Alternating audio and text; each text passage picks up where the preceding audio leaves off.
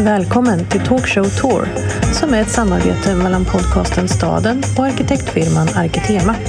Talkshowen spelades in inför publik i Stockholm en kväll i oktober 2023. Vad roligt att få vara här. Ehm, det här eh, är slutpunkten för vårt, eh, eller inte slutpunkten, men eh, årets avrundning av vårt samarbete eh, mellan staden, podcast och Arkitema. Eh, tackar Arkitema för det här året, för deras ovärderliga eh, ekonomiska och eh, personella bidrag till podden, att den överhuvudtaget kan göras. Vi är glada över det. Idag, eller ikväll, ska vi prata om 1990-talet och det är lite mer riskabelt än att prata om 1970-talet eller till och med om 1980-talet. Det är lite mer som en återträff från gymnasiet. Sådär. Alla minns lite grann hur, hur det var och vem man var. I alla fall i min generation, vi som är födda på 70-talet. Historien är heller inte riktigt skriven rollerna och föreställningarna om 90-talet är inte riktigt frysta och placerade i fack som de kanske är i 70-talet och kanske till och med 80-talet. Vi vet kort sagt kanske inte riktigt vad det här var för en tid. Så därför tänker jag att det samtal som vi har idag får betraktas som ett försök att få syn på vissa sidor av ett decennium som är på väg i det som brukar kallas, på väg in i det som brukar kallas arkitekturens 30-årskris den tiden när arkitekturen värderas och omvärderas och man bestämmer om man gillar det eller inte, om man ska riva det eller behålla det. 80-talet har ju varit inne i den här 30-årskrisen i tio år. Nu är det dags för 90-talet. Fördelen med 90-talet är att det inte byggdes så mycket. Så det... Men det är en tid som kommer att omprövas, förkastas eller hyllas. Och för att göra det här gör vi här i Stockholm, precis som vi har gjort i Malmö och Göteborg. Vi har med oss ögonvittnen som på olika sätt befann sig i staden på 90-talet. Människor vars biografier är sammanvävda med platsen och den här tiden. Och därför har vi med oss Thomas Andersson Vi. Välkommen.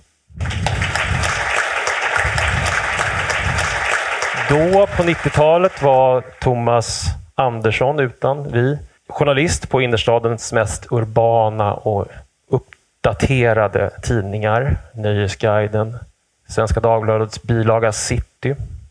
Nu är du som bekant sångare och musiker. Vi har också med oss arkitekten Helena Glans. Välkommen.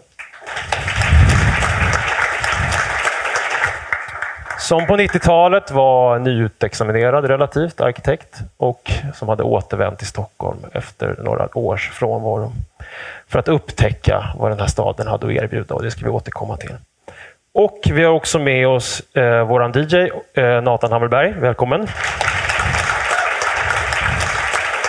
Som på 1990-talet väl var en tonåring på jakt efter stadens subkulturer. Och som nu ikväll är DJ eh, och dessutom skribent och jobbar för föreningen eh, Selam. Ja, och jag ska säga en liten eh, brasklapp om man ska säga så. Eh, vi kommer framför allt att röra oss ikväll i Stockholms innerstad. Det betyder inte att Stockholm slutar där, men det betyder att det kanske är här som förändringarna under 90-talet blir som mest synliga. För att börja 1990-talet så måste vi backa, som man alltid måste göra. Varje tid har liksom en jordmån som den växer ur. Så jag tänkte att vi skulle börja berättelsen om Stockholms 1990-tal 1979. Nådens år, barnens år 1979. Författaren Claes Östergren sitter på Hornsgatan 29C högst upp i en ouppvärmd sekelskifteslägenhet och skriver på maskin. Vi eh, kan läsa i romanen Gentlemen hur det är där uppe på Hornsgatan. Gardiner och draperier sluter tätt för fönstren mot Hornsgatan och den här våningen känns minst sagt luguber. Han fortsätter. Biblioteket är tyst och inrökt. Serveringsgångarna med dunkla skänkar och höga skåp är skräckinjagande. Köket har slammat igen. Sovrummen står obödade. Vardagsrummet är kallt. 1979 så når Stockholms innerstad sin lägsta befolkningssiffra någonsin. Det har aldrig bott färre människor i Stockholms innerstad än då. Innerstaden är luguber. Claes Östergren fryser. Och man, kan få, man kan höra historier från barn som växte upp i, på Södermalm vid den här tiden, att man kunde i princip kliva in i tomma lägenheter och spela innebandy. Pendeln ska inom de kommande tio åren på 80-talet vända tillbaka. Innerstaden kommer att återupptäckas av människor och fastighetsinvesterare. Och jag tänkte vårt första ögonvittne som var med oss här skulle faktiskt få ansluta här redan på 1980-talet för att um, han lekte nämligen på de öppna innergårdarna på Mariatorget som barn medan hans föräldrar hängde i Ebenezerkyrkan. Så välkommen Thomas. Har du sett en mannen som går upp på Söder? Sparkar på en tidning med sin utslitna sko. Hans gång är något vinglig och blicken utan stolthet. Men snart öppnar fiket dit han går varje dag. Men många av oss som har så bra Alltid klagar vi på något Kom låt mig ta dig med genom gatorna på Söder och visa dig något som många har glömt Vad är det vi hör Thomas? Vi hör Börje Rings översättning av Streets of London. Och så, så kommer refrängen här. Men många av oss som har det så bra, alltid klagar vi på något. Men låt mig ta dig med upp på gatorna på Söder och visa dig något som många har glömt. Det är en helt obegriplig text för en ung människa idag. Eftersom att det är de dyraste lägenheterna i stan. Men, men jag minns. Jag Ja. minns de där, de där bakgårdarna. Ja, för dina föräldrar var en del av Ebenezerkyrkan som heter Söderhöjdskyrkan idag på Blecktornsgränd. Eh, Eh, och medan de var i kyrkan så drev du runt där uppe på Mariaberget. Vad, vad, fick du, vad såg du? Jag såg ju det som var kvar av det gamla Stockholm, det som man har kanske sett i Tårtan, barnprogrammet Tårtan, eller till i, jag vet inte om ni kommer ihåg det här, eh, De rödas uppror, en, en tv-serie, Harry Kullmans bok, som jag också var helt besatt av, som handlade om kommunisten Palle på Brännkyrkogatan eh, och hans gäng. Eh, Jag, menar, jag tror att det var det sista området man renoverade i Stockholm, om jag inte tar fel. Eh, Så det var extremt slitet. Alltså det var ju, alltså de här stentrapporna var helt skeva. Alltså det fanns inte en rak, liksom, rät linje. Utan, och det hängde stora flagor av puts inne på, på gårdarna. Det fanns fortfarande inga koder. Och det var mycket herrar som luktade illa och eh, mycket kulturarbetare. Man såg alltid Ivar Lo gå upp så med basker och lång rock för Blecktornsgren. Händerna på ryggen på något sätt. Ja, eh, en fastighetsinvesterare skulle säga att det var underinvesterat. Stockholms allmännytta får ju syn på de här husen i rätt stor utsträckning på Söder på den här tiden och börjar köpa upp dem och renovera dem, kanske installera eh, dusch. Du berättade, en, du gav mig en, en, en sån här ögonblicksbild av liksom hur, liksom, när när det här nästan upphörde. eller Du fick, när, när, när ni står där utanför kyrkan och, och mittemot skrothandlaren. Ja, det fanns en skrothandlare i en gubbe som höll till där i Blecktornsgränd. Det här kan ha varit 81 kanske. Jag var nio år. Kom ut från kyrkan med min pappa och då låste han sin skrothandel för sista gången. Så han, "Nu- det här funkar inte längre. Och så, så flinade han lite och så promenerade han liksom ner för Blecktornsgränd ut över. Och kort därefter så ställde de ut um, containrar på... Olof Lindgren ställde ut containrar ute på Brännkögatan och så slängde de ut kakelugnar genom fönstret. Så, här. så det small som ett krig över berget. De sista skrothandlarna är på väg att lämna Södermalm, en stad som är redo att förändras. Eh, jag kom över det här gamla numret av Ordets makt. Där finns en berättelse om ockupationerna på 80-talet. Det är en annan sida av den här staden. För fastighetsinvesterarna och allmännyttan återupptäcker de här fastigheterna och börjar köpa upp dem. Men även unga människor upptäcker dem och börjar ockupera dem. 80-talet är ju den, det decennium i Stockholms historia som har flest husockupationer. Beskrivningen här handlar om en, en fastighet på Skaraborgsgatan på Söder. Och på Götgatan så är det underground. Där ligger Café Svarta Månen. Där ungdomarna hänger och degar. Det är ingen som degar längre riktigt. Och precis samtidigt som det här så köper entreprenören Refat El Sayed, eh, fastigheten som Claes Östergren sitter i. Och historien om 90-talet kan ta sin början. Ska vi ta och lyssna lite grann på en av dina låtar, Thomas, när du beskriver den här staden som du kommer till eh, från Fruängen för att liksom bosätta dig här eh, på 1990-talet. Det var fem trappor upp i tredje hand. Jag rullade sångerna ner i flaskor som jag kastade.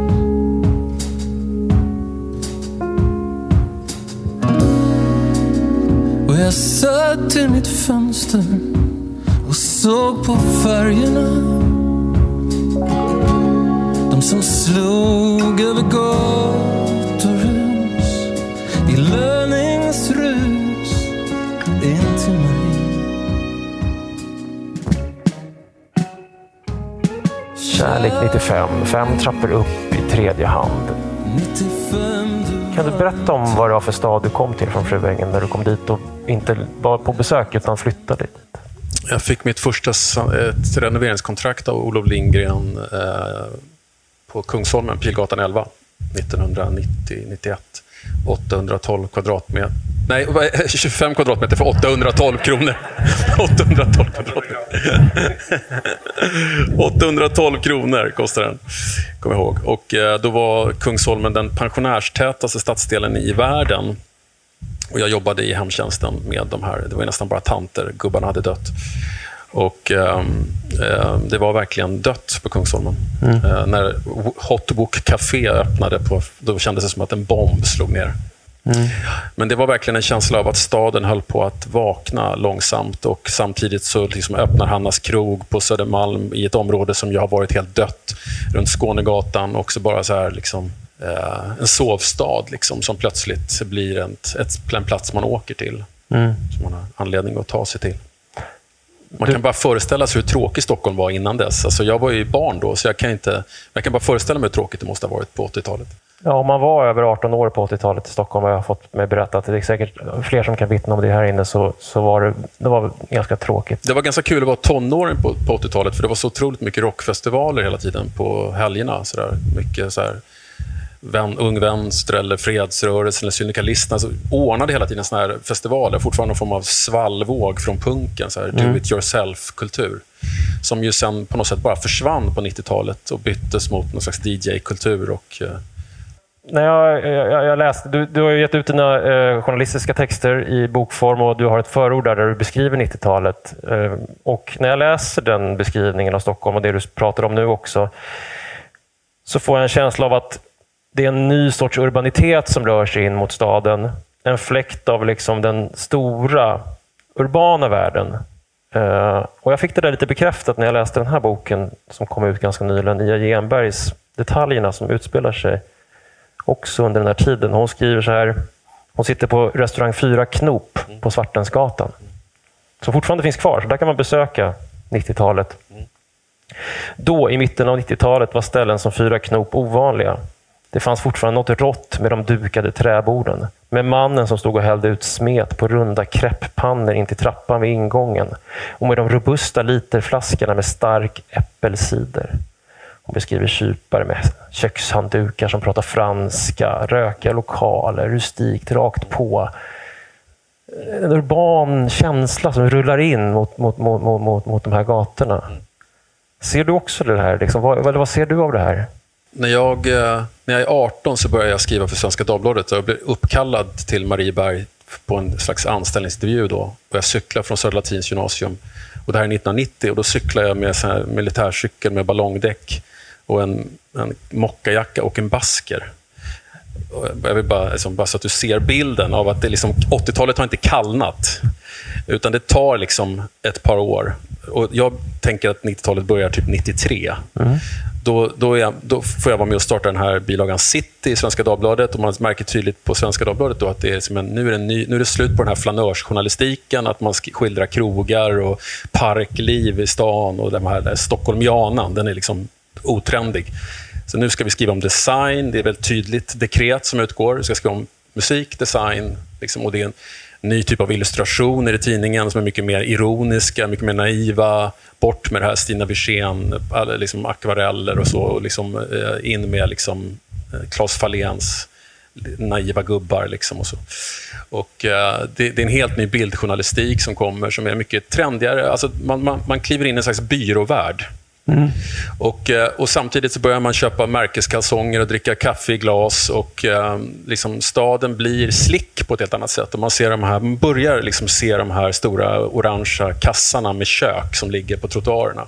Det, jag tycker det är spännande det du beskriver om liksom hur storrökt, många, uppenbart storögda många verkar vara inför att vi faktiskt har en stad här. Mm. Det är som att människorna kliver ut på gatan i Stockholm och inser, vänta, vi behöver inte åka till Paris för att vara i Paris. Alltså, allt finns ju här, vi har bara inte sett det. Mm. Eh, och Det där är en sorts långsam, uppfattar jag i alla fall, som medvetenhet hos en ny generation att det urbana äger någon sorts värde.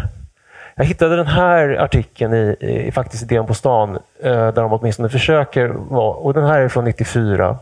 Och här sitter då eh, bland annat då en popstjärna ifrån Piteå, eh, Andreas Mattsson från Popcykel, pratar med en journalist från Hälsingland, eller ja, delvis från Hälsingland i alla fall, på Tidholm, om urbana rum. Vi, vi var samma gäng. Ja. ja. Jag tänker mig det. Men det finns, det, det, det, det, är liksom den här staden som, som vecklar ut sig och som gör sig möjlig. Liksom. Men, och den gjorde ju verkligen det också. Det är inte bara någon, det är inte någon eh, som efterkonstruktion, utan 94 så startade det 40 nya krogar i Stockholm. Och jämfört med Köpenhamn så startade fem. Så det är ju, Bobo Karlsson kommer hem, alltså resejournalisten Bobo Karlsson kommer hem från New York och säger att det går snabbare i Stockholm med saker och ting nu än i New York. Så att det, det var ju en... Och, och liksom den här 90-talskrisen, alltså den början av 90-talet, det är som att stan hämtar sig enormt fort från den. Mm. Eh, och Det är någon jävla optimism och det, och det blir någon, och det här med att tv avregleras. Så, så att ZTV är som en jävla centrifugalkraft som drar in varenda ung begåvad människa med drömmar om media och så till på Västmannagatan in där och få göra tv. Och det, liksom, det, det finns fortfarande liksom en spillvärme från de stora mediehusen så att tidningar som Pop kan göras och senare Bibel och så att de, de får fortfarande hållas trots att de inte är lönsamma. Mm. Sverige bör också, Stockholm bör också uppmärksammas internationellt. MTV kommer hit. Ja, ID kommer hit. Ja. Uh, gör nummer om, om, uh, om Stockholm. Det, det, det, det, det, musiken kanske kommer härifrån till och med. Eh, uh, Nene Cherry gör succé i London. Det kokar om den svenska liksom, coolheten börjar liksom bli, nästan, börjar bli lite global, eller hur Nathan? Men jag tänker att det där är också Eh, apropå spillvärme så är det ganska mycket eh, spillvärme från, från 80-talet i, i sin tur. Då. Jag, jag snöade in jättemycket på att försöka läsa in mig på liksom, all DJ-kultur i, i Stockholm från före 87, för det var första gången jag DJade själv.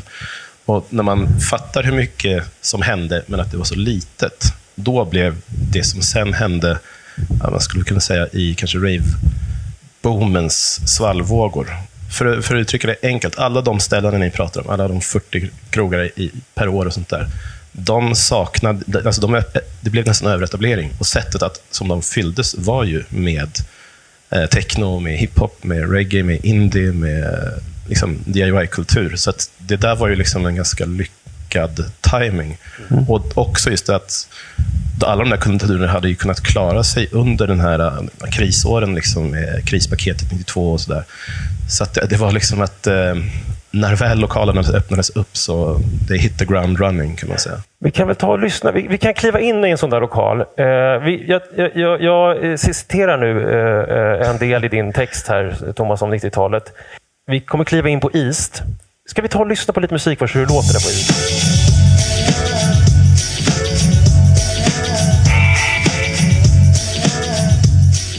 En sen, ljummen kväll satt City-redaktionen på Easts uteservering och åt sushi.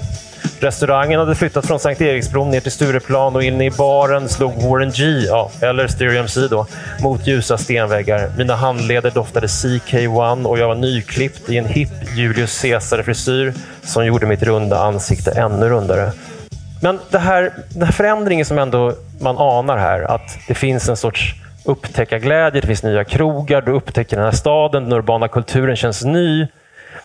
Det är också någon sorts ny finansstad som börjar ta form här. Mm. Urbansociologen David Harvey brukar ju, som kritiskt har granskat det som händer under den här tiden, har ju kallat den här tiden som kommer för entreprenörurbanismens tid.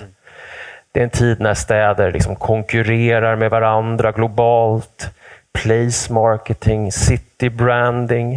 Eh, jag läste en, eh, en rapport som Stockholms mark och lokaliseringsbolag gav ut 1993 där de skriver att målsättningen är att Stockholm inom fem år ska räknas till de sex intressantaste affärsstäderna i Europa och förbli mest attraktiv bland städerna i Östersjöregionen när det gäller investeringar.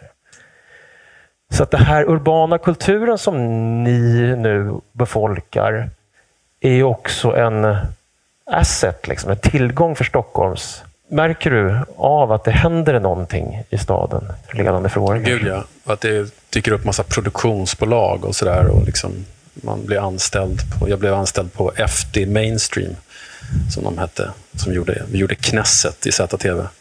Och där var det verkligen så här, kaffe i glas och eh, liksom, Eh, en ganska slick så här, byråkultur som jag inte hade varit i närheten av som skrivande person. Utan man var lite så här, tidningsredaktionerna var ju rätt sunkiga det lyxigaste de hade var en fax. Liksom. Så att, eh, det, det kändes verkligen som att den här techvärlden och liksom de pengarna med spray. Plötsligt var, hade man kompisar som var miljonärer. och, liksom, och, och ja, du vet, Det stod så här, tatuerade 19-åriga killar och förklarade för så här, näringslivsmänniskor att ni fattar ingenting och det är därför ni behöver oss. och Så, där. så att den, den unga kulturen fick en väldig status liksom, just därför att vi hade internet. Liksom. Det var vi som förstod internet. Det finns ju eh, såna här liksom varumärken som dyker upp här, till exempel eh, Waynes Coffee på Kungsgatan 96. En bit Manhattan, man sitter i fönstret och, och dricker kaffe. Men även andra sidor, eh, organisationer som City i samverkan dyker upp och vill göra stan renare, den är för smutsig, vi måste hålla skräpet borta, det är nolltolerans.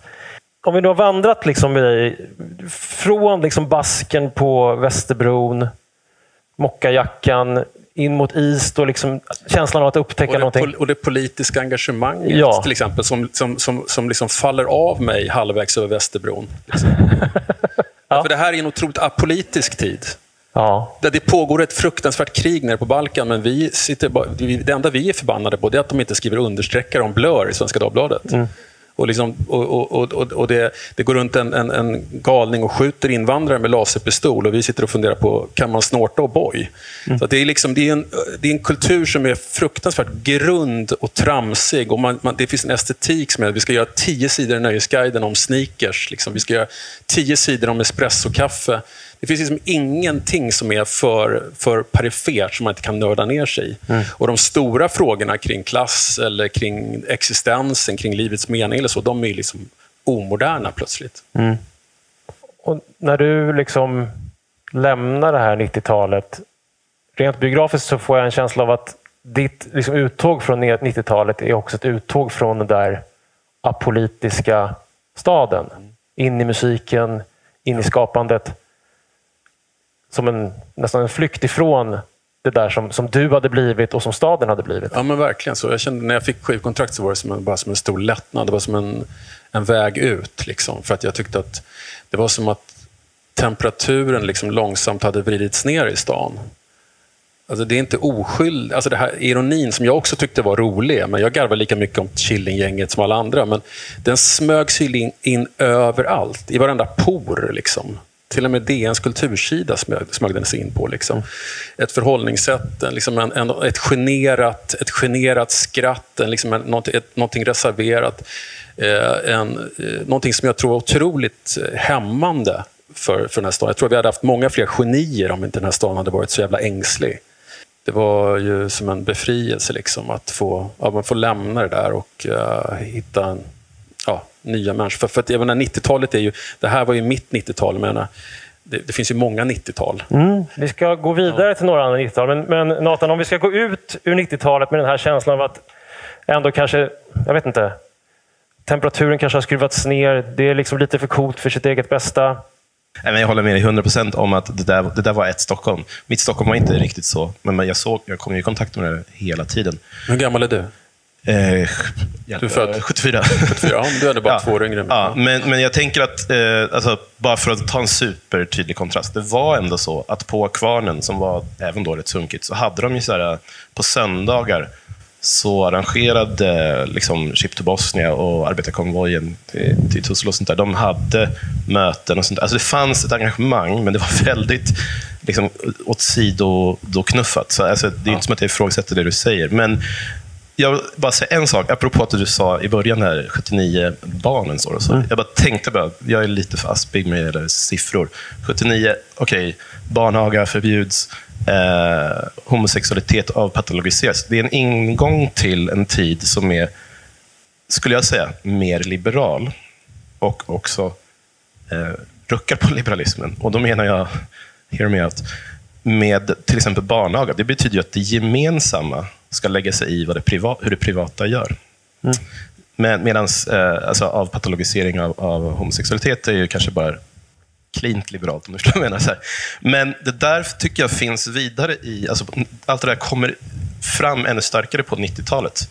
Eh, som både en typ av tanke av var och en blir salig på sin fason. Eh, och I det landskap du beskrev, då blir det ju också ganska klibbigt och opolitiskt. Men det finns ju en underton som, där det finns friktion. Det finns liksom eh, motstånd mot att det bara ska bli att vi ska konsumera oss till. Vi ska komma tillbaka till det motståndet, Nathan. Ja. Eh, men... men... det går inte, att få, det går inte att längre att vara cool med att engagera sig i, i eh, liksom, politik. Nej. Alltså, du, du plockar inte de poängen som man gjorde tio år tidigare. Nej, verkligen inte.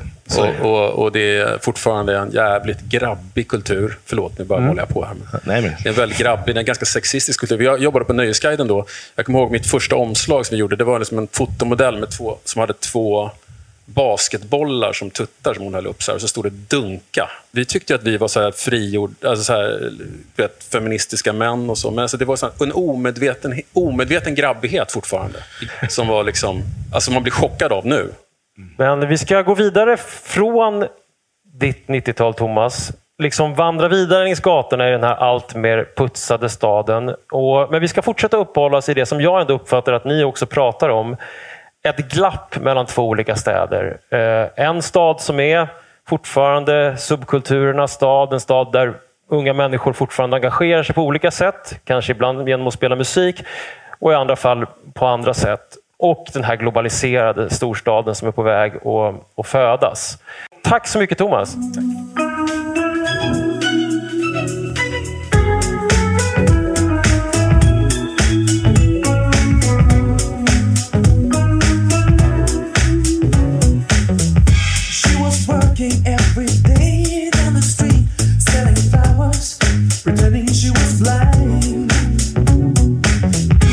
Men för min del att jag bodde inte alls i Stockholm på 90-talet, så jag vet ingenting. Jag var här på besök ibland. Men eh, min pappa bodde här, eller han bodde i Jordbro egentligen, men eh, han var kulturkonsument och han berättade att han då en gång var på en föreställning i Hammarbyhamnen.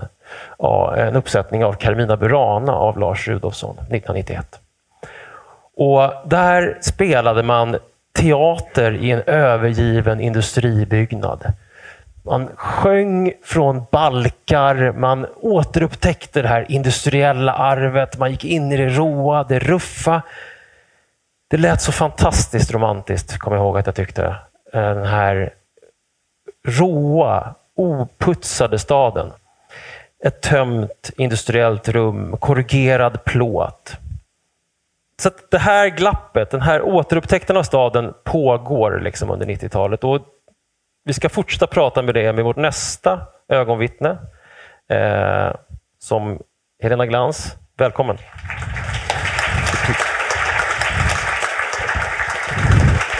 Eh, du flyttade till Stockholm från Söderhamn 85 och började på Arkitektskolan.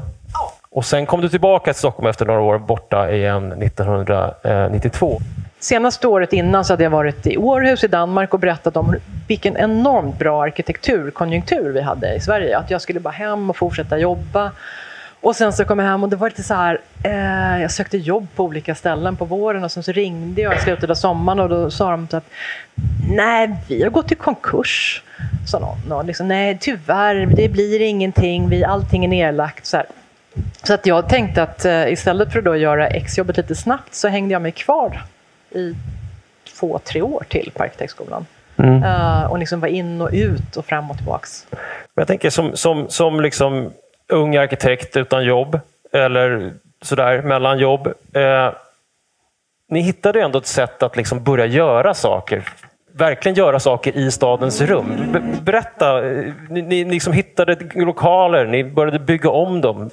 Nej, men om jag nu får säga, du bodde på vad var det, 25 kvadratmeter för 800 spänn. Vi bodde på 50 kvadratmeter för 1600 spänn. Så att det var ju att, att ha en väldigt låg hyra i ett rivningskontrakt eh, hjälpte ju till. Ständigt dessa rivningskontrakt. Ja, men det gjorde verkligen det. För att man behövde inte tjäna så mycket pengar. Och sen så kunde man i princip gå in överallt, var som helst och liksom få hyra en, en lokal.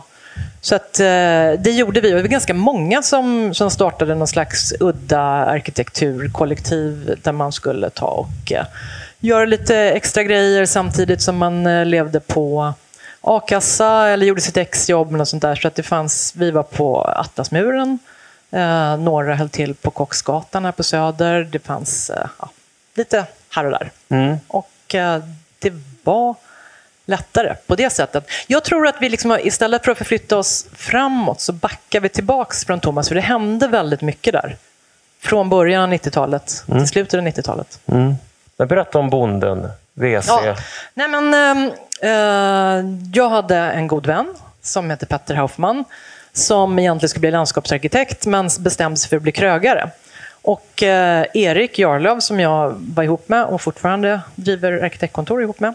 Eh, han hjälpte Petter att bygga lite olika krogar. Först Bonden och sen WC och sen Intressant som skulle bli Eh, det blev Stockholms första internetrestaurang. De hade egentligen tänkt att de skulle starta en faxrestaurang, för det var jävligt hett.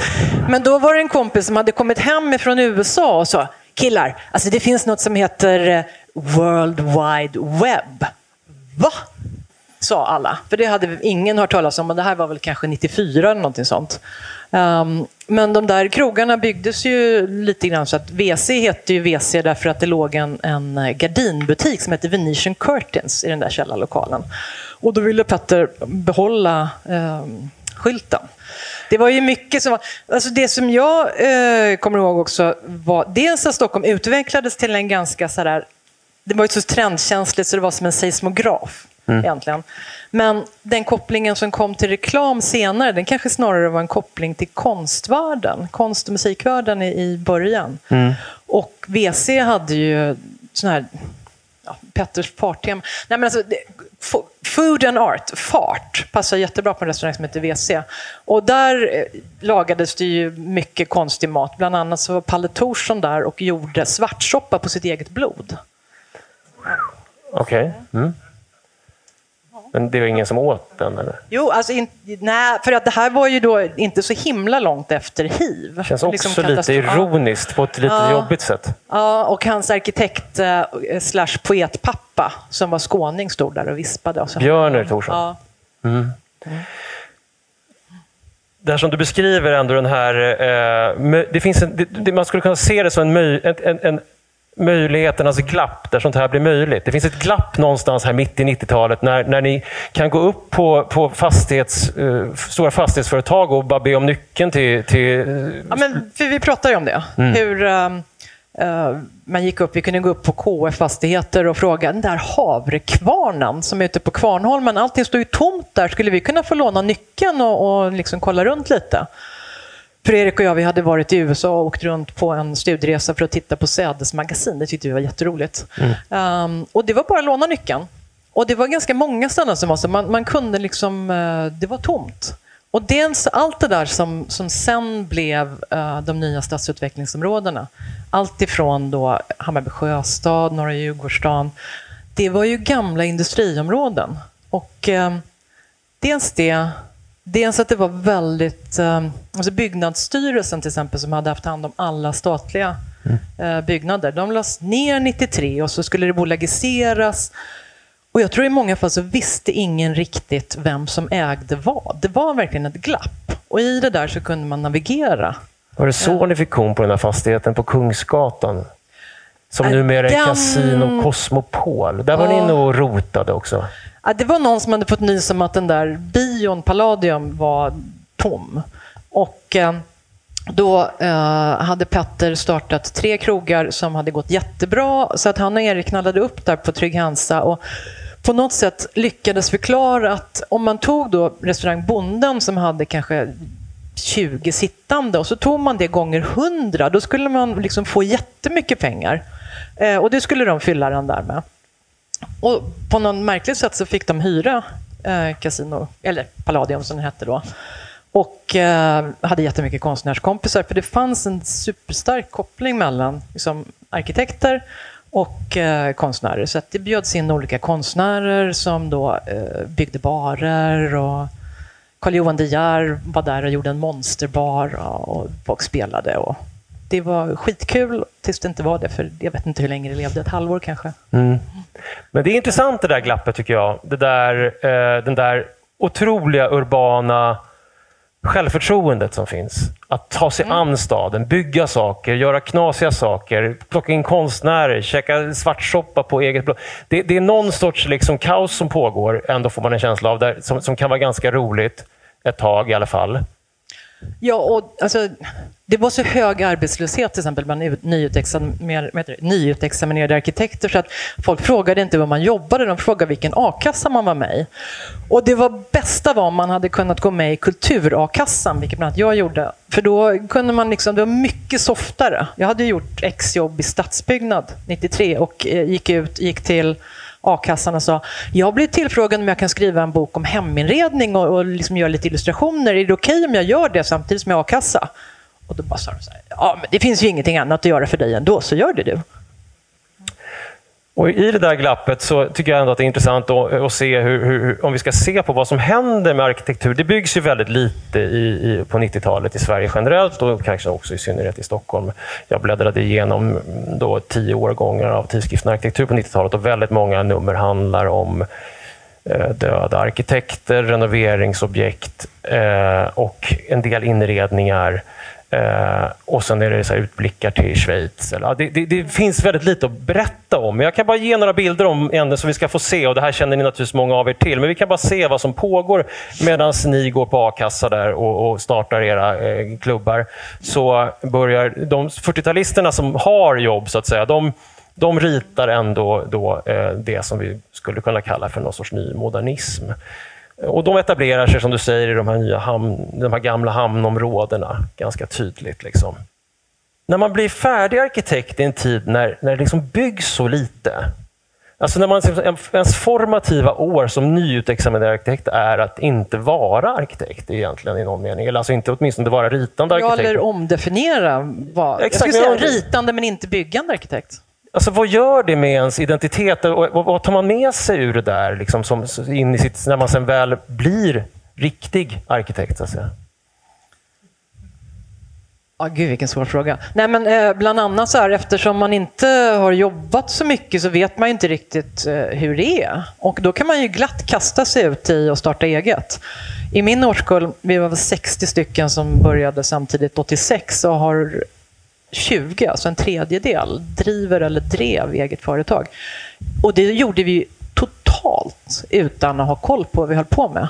Eh, jag vet att jag satt och så mörkade när de började prata AMA, för det hade jag aldrig hört talas om.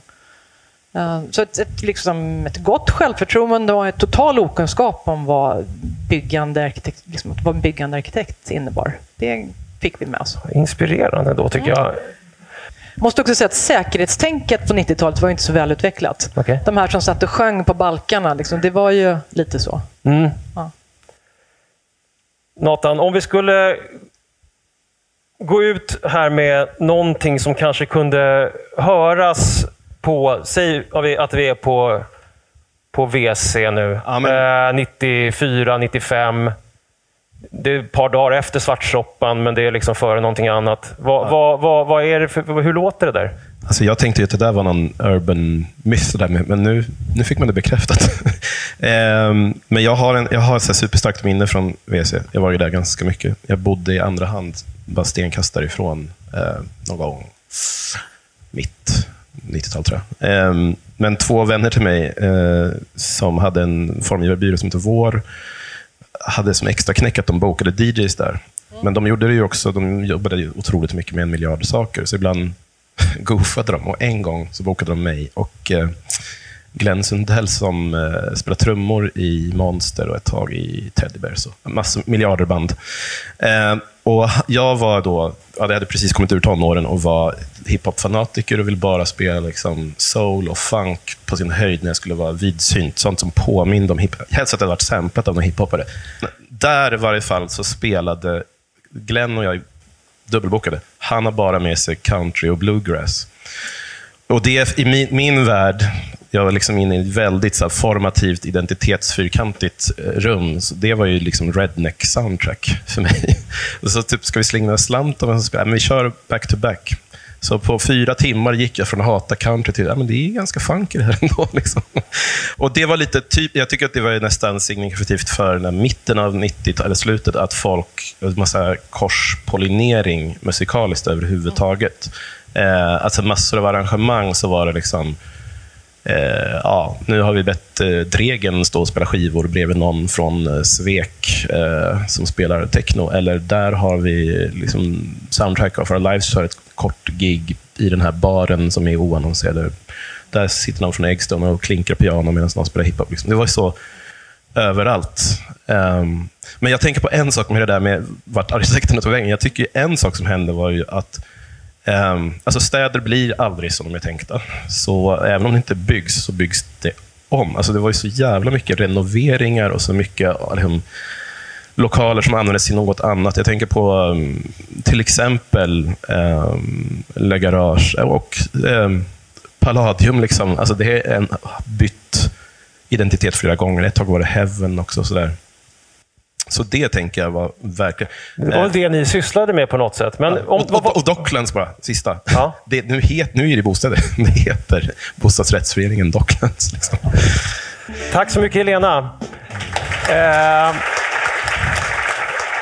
men jag tycker att det här det är roligt, för att eh, du sa till mig Thomas också när vi pratade om det här innan, att man kunde inte prova ett par jeans på 90-talet utan att de spelade Nick Drake. Eh, det finns en upptäckarglädje här i liksom musikhistorien som delvis handlar om att, du nämnde tidningen Pop såklart, men också CD-skivan och återutgivningarna av skivor som vi inte hade sett på 30 år.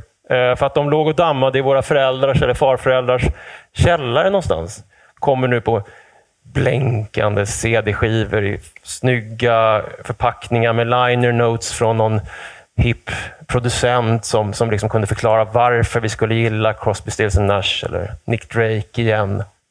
Nu ska jag för ett ögonblick bli, innan vi går in i Natans 90-tal, bli lite eh, allvarligare. Eh, det är inte förrän 2006 som Stockholm skaffar sig sin slogan Capital of Scandinavia, men vi har som vi har förstått arbetet med att bli den här staden, den globala, framgångsrika staden, har ju redan börjat på 90-talet. Någonting rör sig i skiftet mellan 90-tal in i 2000-talet. Och staden som vi känner den börjar någonstans ändå formas här och bli till. Och en sida av den där staden är ju den delade staden. Och Det är också någonting man allt oftare börjat prata om nu i Stockholm på 1990-talet. Det görs flera statliga utredningar om ökade klyftor. Storstadskommittén tillsätts. Utredningen Delade städer presenteras 1997. Man är oroad över vad man beskriver som att det faktum att svenska storstäder och deras förorter alltmer har börjat likna London och New York och att segregationen har ökat och den sociala utslagningen växt. 1997 slår man då fast detta i Stockholm. Och de har nästan inte ens börjat vandringen in mot det Stockholm som vi nu lever i. Inkomstklyftorna ökar kraftigt mellan 85 och 93 och fortsätter öka. Antalet hushåll med socialbidrag ökar med 25 procent under 90-talet. har ju naturligtvis med konjunkturen att göra. Fler blir arbetslösa. Den inre staden börjar konsolideras och omtalas inte sällan som sluten och kommersialiserad. Och eh, ekonomihistorikern Jan Örmark har konstaterat att det kanske är framför allt via bostadsrättsombildningar som svenska innerstäder kommersialiseras och får det här marknadsvärdet. Så den staden rör sig parallellt med den som vi har pratat om hittills. Det leder oss då fram till vår nästa gäst. Du har redan berätt, presenterat dig, men Nathan Hamrenberg, tack för att du spelar och tack för att du är här. Tack.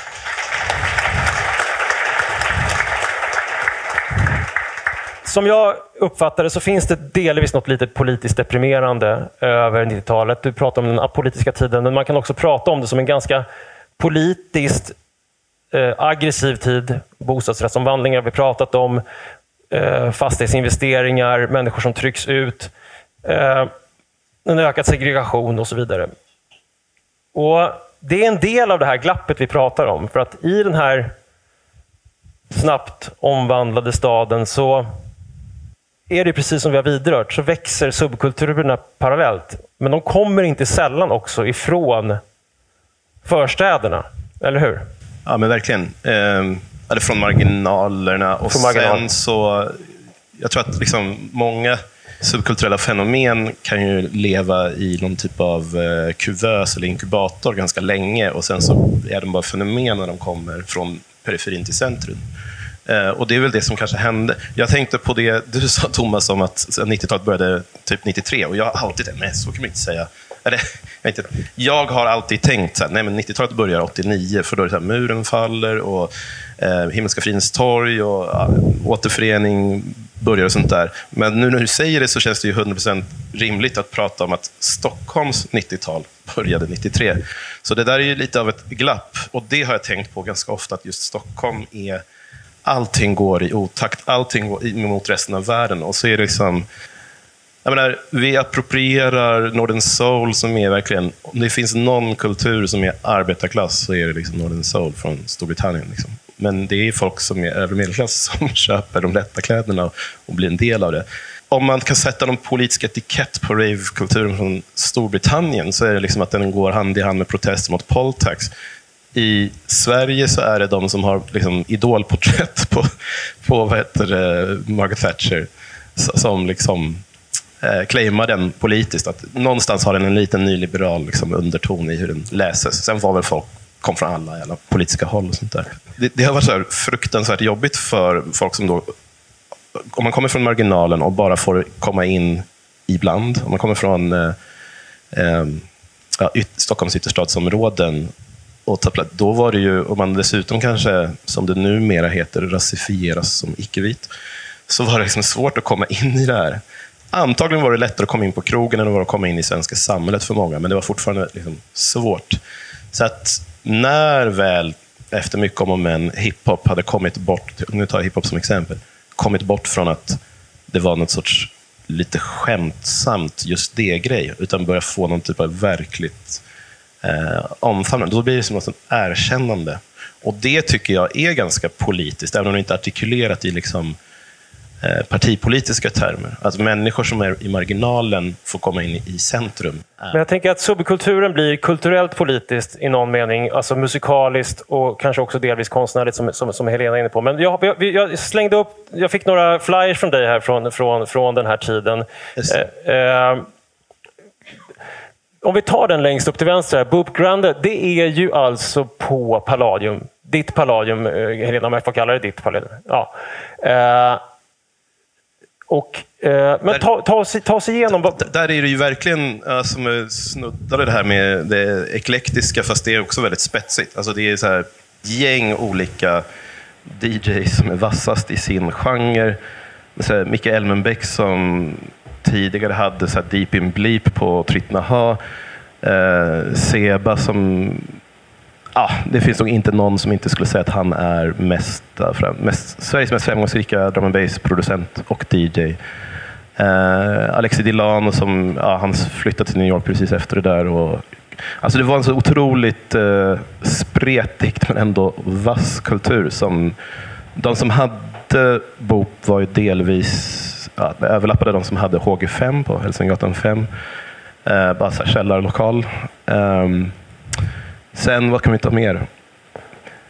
Eh, nej, men det, det är coolt för att det där var alltså klubbkultur som tog över en plats som var mer för konserter och kanske hade lite mer rocklogik innan. Det var rätt häftigt att det bara skedde på några år. Men vad, vi ser här, Hyndans hörna, där verkar det pågå en jävla massa grejer. Ja, och där, är- där är rocken lever och frodas kvar där. Ja. Eh, Var är vi nu? Var är vi i stan någonstans? Då är vi i Gamla stan. Eh, alltså det är nästan vid eh, stenkast från Kornhamnstorg. Det är liksom som man ser ut över, eller mot, eh, mot Slussen. Och den där miljön var ju vid den här tiden, alltså det var ju fortfarande mm, vit maktrörelse som var stor inom skinheadkulturen. De liksom hade ju bara tagit helikopterplattan som sin. Så det var en plats som var ganska läskig att eh, röra sig i om man på något sätt stack ut. Jag vill bara säga en sak som känns som var så central i, i, med 90-talet. Det är ju faktiskt att röra sig genom stadens gator om man var queer eller homosexuell eh, var helvete i början av 90-talet. Och på slutet av det så var det liksom en tid när ja, men till exempel som nämnda Spray finansierade så här, Sylvester och Sylvia, en massa så här, tidiga internetsajter som var, liksom, öppnade upp staden för eh, de som var utanför heteronormen. Liksom. Lite grann som också Club Bitch, eller Bitch Club som vi har här från, på, på, från um, Kolingsborg, exakt. Som eh, eh, ju var en av de här tidiga queer-ställena. Om man ser på den här, det här glappet och den här liksom, viljan att göra motstånd, kanske genom kultur mer än genom politik, om jag tolkar liksom 90-talet rätt i alla fall, genom att spela, eh, att, eh, att, och kanske mycket genom att just lämna punkens gitarrer för DJ-spelandet. Liksom, eh, som ett sätt att uttrycka politik och att göra motstånd. Och den parallella rörelsen som jag beskrivit med, med, med den globaliserade staden, så ska vi bara nå fram nu till den sista, kanske slutkrescendot av 90-talet, eh, som jag vet att du också var, var, var med och, och, och engagerade dig i Nathan. Och det är parallellt med den här affischen här, affischerna, så byggs Kungsträdgården om. Ett barnfientligt kyligt finrum. Eh, här har vi Götgatsbacken. Jag har lagt in den där gamla svarta månen där bara för att ni ska minnas hur det var Eh, eh, eh, tio år tidigare. Nu har det blivit Uberballabacken eh, i DN på stan. I den, här, I den här konfliktytan mellan de här två sakerna så uppstår ju eh, Reclaim the City-rörelsen. Varför, va, va, va, va, varför uppstår den här? Eller jag, jag har ju tecknat bakgrunden, men vad är det ni som är med i den liksom ser och vill göra? Det här visar då, första, efter första Reclaim eh, the City-manifestationen i september 99, så kan vi se vad DNs tolkning av det som händer är alltså att gatufesten urartade eh, och att det slutade i kaos. Det första jag tänker nu det är bara att det är bakläxa till mig att inte ha Sound of the Police med Keras One redo för min vän Josefin som DJade med mig på den kvällen. Hon spelade den låten som sista. Hon la på den, stack och så kom polisen och försökte stänga ner men kunde inte göra det på ett tag. Eh, men det jag skulle säga är kanske att till att börja med så kristalliserades Eh, det liksom nätverk som eh, arrangerade de festerna från ganska olika eh, aktivistiska miljöer. Det fanns de som höll på med så här food not bombs, med att liksom ordna mat åt eh, hemlösa. Det fanns eh, de som arbetade, hade veteraner tyckte vi, kanske vi, som hade hållit på med motstånd mot motorvägsbyggena och Dennispaketet och sånt där. Och sen fanns det en del som var antifascister. Det var liksom en, en heterogen blandning och då blev det som att vi gjorde liksom en det blev så gallup av vilka frågor är det som vi behöver få upp. Och det kom en inspiration från Storbritannien där det fanns Reclaim the Streets. Men den var ju begränsad till att titta bara på liksom bilism och motorvägsbygge och någon typ av ekologiska frågor kanske. Och vi ville bredda det och ha sociala frågor. Så det blev så här inglasningen av Stockholm. Det var liksom utökade mandat för vaktbolag eller liksom repressiva lösningar på så här stöket i staden. Och det var också, alltså året innan, 98, så hade det varit liksom lokaldöd. Eh, Och kulturhuvudstadsår. Ja, ja. Det gick hand i hand. Alltså, Det var en upprensning. För att man ska ha kulturhuvudstadsår så får ingenting vara smutsigt. Liksom. Och Sen var det liksom också att dela ut så här, häften om vilka rättigheter man har om man liksom trakasserad. Eller sånt där. Så det var en spretig mängd frågor. Men det jag tror också man kan säga det är att så här, i efterhand så upplever jag jättemycket att segregation och gentrifiering sågs av, av här, samhället i, i stort som separata processer. Medan vi kanske såg det som att det var liksom varandras alltså, det var fram och baksida på samma fenomen. Jag kan eh, citera det som står. Det här är en, eh, en, eh, ett reportage från år 2000 av, med ett antal anonymiserade personer eh, som är med i den här rörelsen, eh, som då kallar sig för Gatans parlament. De kallar innerstaden etniskt rensad och vill använda partyt som propagandametod. Återigen, partyt som propaganda. Eh, det är musiken och partyt som är politiken. Eh, de protesterar mot, precis som du säger, segregation, klasskillnader och nyfattigdom. Och under den här parollen så skriver eh, DN här att det finns docklandsravare, miljöaktivister, syndikalister, reggaefolk och ordfrontare.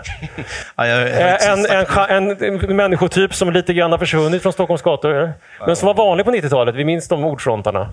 Ja. Det är en De- svag urban tribe idag. Men, eh, men för att säga en sak också. Jag kommer ihåg alltså, direkt efter att eh, den här första eh, manifestationen var den, den eh, 18 september eh, 1999. Så, eftersom polisen reagerade med sån, ö, sånt övervåld och de lyckades också ge sig på massa journalister utan att fatta att de gjorde det. Så det blev ju massor av motreaktion på det så ordnade vi en till bara sju dagar senare och då var det liksom tiofaldigt eh, upp, uppslutning. Och jag minns så väl Martini som var så pointer på eh, Le Garage, som ändå får sägas vara lite nyliberalt. Han bara, det här är så jäkla bra. Fast det, han såg ju liksom folk med typ svartröda halsdukar och grejer. Liksom. Men, och jag tror att det var mycket att om, om kanske den där lite så här, eh, liberala strået i ravekulturen när den väl hade flyttat inomhus. Den flyttade just inomhus för att vara i privata avskilda rum.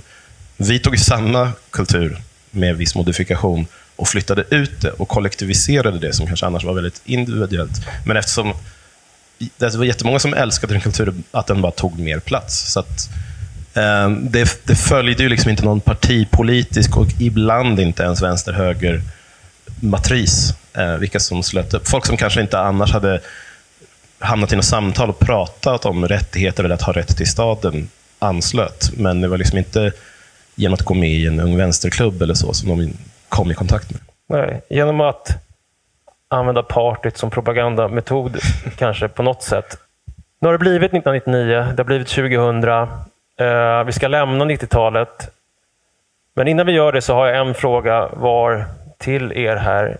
Eh, jag tänker att vi ändå måste blicka lite framåt, så jag frågar dig Helena först här. Vad kan vi lära oss om 1990-talet? Ja, men två saker har jag faktiskt tänkt på. Den ena är så här, bostaden behöver inte vara en livsstilsmarkör och ett investeringsobjekt.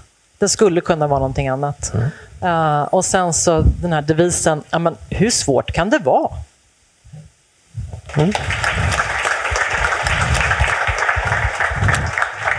Thomas? Jag känner mig lite blank, men jag kan känna ändå att på 90-talet så var staden fortfarande... Det fanns mörka, smutsiga hörn fortfarande i stan. Den var liksom inte helt, man kunde fortfarande dumpa folk i Hammarby sjöstad och sådär. Och Jag tycker att man ska kunna ha... Alltså en, en riktig stad ska man kunna dumpa folk i. Nej, men, men eh, en riktig stad måste ha liksom... Eh, eh, måste ha möjlighet till mörker mitt på dagen. Det måste finnas som den här lägenheten som var luguber, där mörkret var som en ständig möjlighet. Natten var en ständig möjlighet i Claes Östergrens lägenhet. Så, måste, så ska en riktig stad vara. Alltså det måste finnas ett mått av smuts i en stad. Och det tycker jag, det, så länge jag, från hela min ungdom och upp i vuxen ålder så har, har stan och dess politiker gått liksom som en jävla anticimex och försökt ta bort smuts på, liksom, bokstavligen och liksom metaforiskt. Nathan, vad kan vi lära oss? Okej, eh, nu kommer jag låta som att jag har liksom tagit till mig mycket av de här liberalerna jag har lite markerat mot. Dansat med. Så här, ja, nej, men, men jag tror bara att eh, Stockholm eh, försökte liksom... Man försökte förändra uppifrån och man måste låta saker spira underifrån. Det är, det är superviktigt. Liksom. Och då blir det liksom politikens uppgift att skapa förutsättningar. Just nu är det liksom att det ska vara, allting ska vara så här det ska vara mervärdesgenererande. Låt saker bara få leva för att det har ett egenvärde. Det behöver Stockholm mycket och jag antar, jag skulle nog säga hela Sverige om man tittar på Norrköping och gud vet vad för platser. Det är så kul att vi har fått, ta, fått syn på ett sånt rikt 90-tal. Eh, när jag gick in i det här så tänkte jag, gud vad hemskt. 90-talet var väl bara det var väl bara saker som började bli dåligare eller sämre. Men nu känner jag ju att det fanns så mycket där som vi kanske också som samhälle eh, har städat bort eh, från våra minnen också. Eh, så vi kan återvända till 90-talet och lära oss väldigt mycket. Och, eh, så tack så mycket för att vi fick lära oss det av er. Har du någon låt vi ska gå ut med? Känner du att du har något särskilt som du skulle vilja alltså, sammanfatta? Eller det, det äkta här ja. eh, säger jag väldigt partiskt. Eh, den fantastiska hiphopgruppen Sherlock mm. eh, släppte en skiva 97 och upplöstes som grupp direkt efter. Och Den skivan har återutgivits. Nu är det originalet jag har här, men eh, jag skrev en så liner notes till den, apropå sådana lyxiga grejer som kom på 90-talet. Eh, det är liksom, jag tycker att det är den svenska hiphopens tidiga examensbevis, skulle man kunna säga. Så den känns ju för min del väldigt rimlig att langa på. Och eh. att det nu också återutges musik som gavs ut på 90-talet tyder på att 90-talet kanske är redo för att återupptäckas då, som vi har börjat med. Så vi är lite pionjärer här kan man säga, på att återupptäcka 90-talet. Tack Thomas, tack Helena, tack Nathan för att ni var här och tack alla ni som kom och tittade och lyssnade.